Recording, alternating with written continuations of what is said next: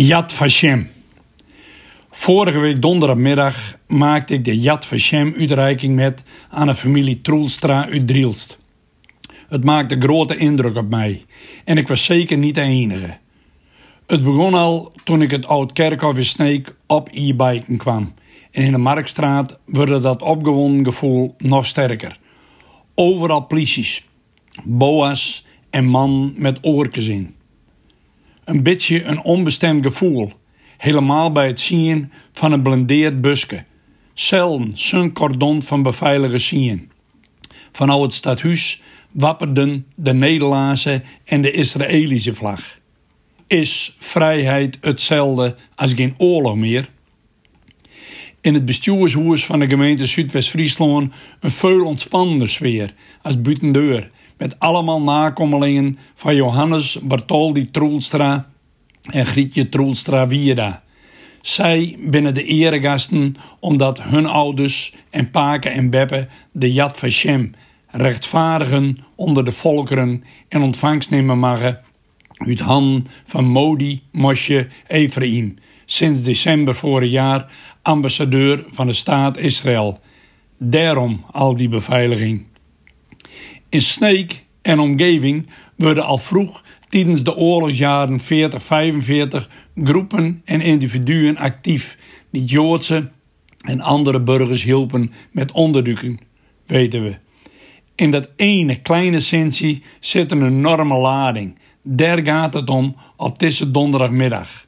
Daar mogen de namen van Johannes Bartoldi en Grietje Troelstravierda invuld worden. Zij waren de stille helpers die het als hun plicht zagen om de Joodse medemens een schuilplek te geven.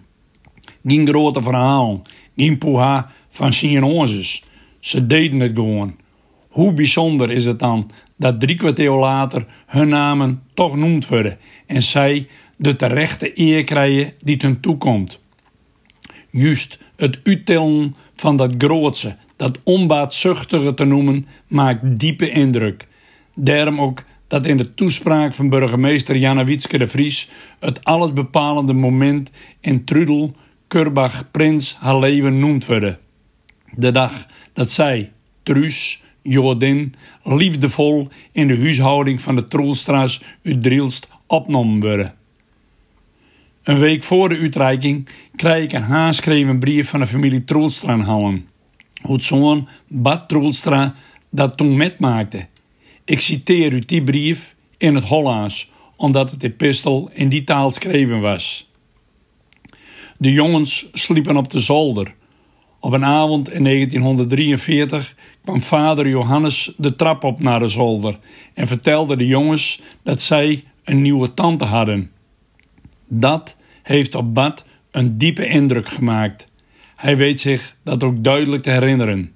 De jongens waren nog erg jong en hebben dit als vanzelfsprekend ervaren. Iets wat dus helemaal niet zo vanzelfsprekend was.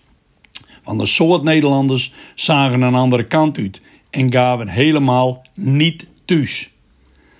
Dat is de pest van deze tijd nog altijd. Een andere kant uitkijken.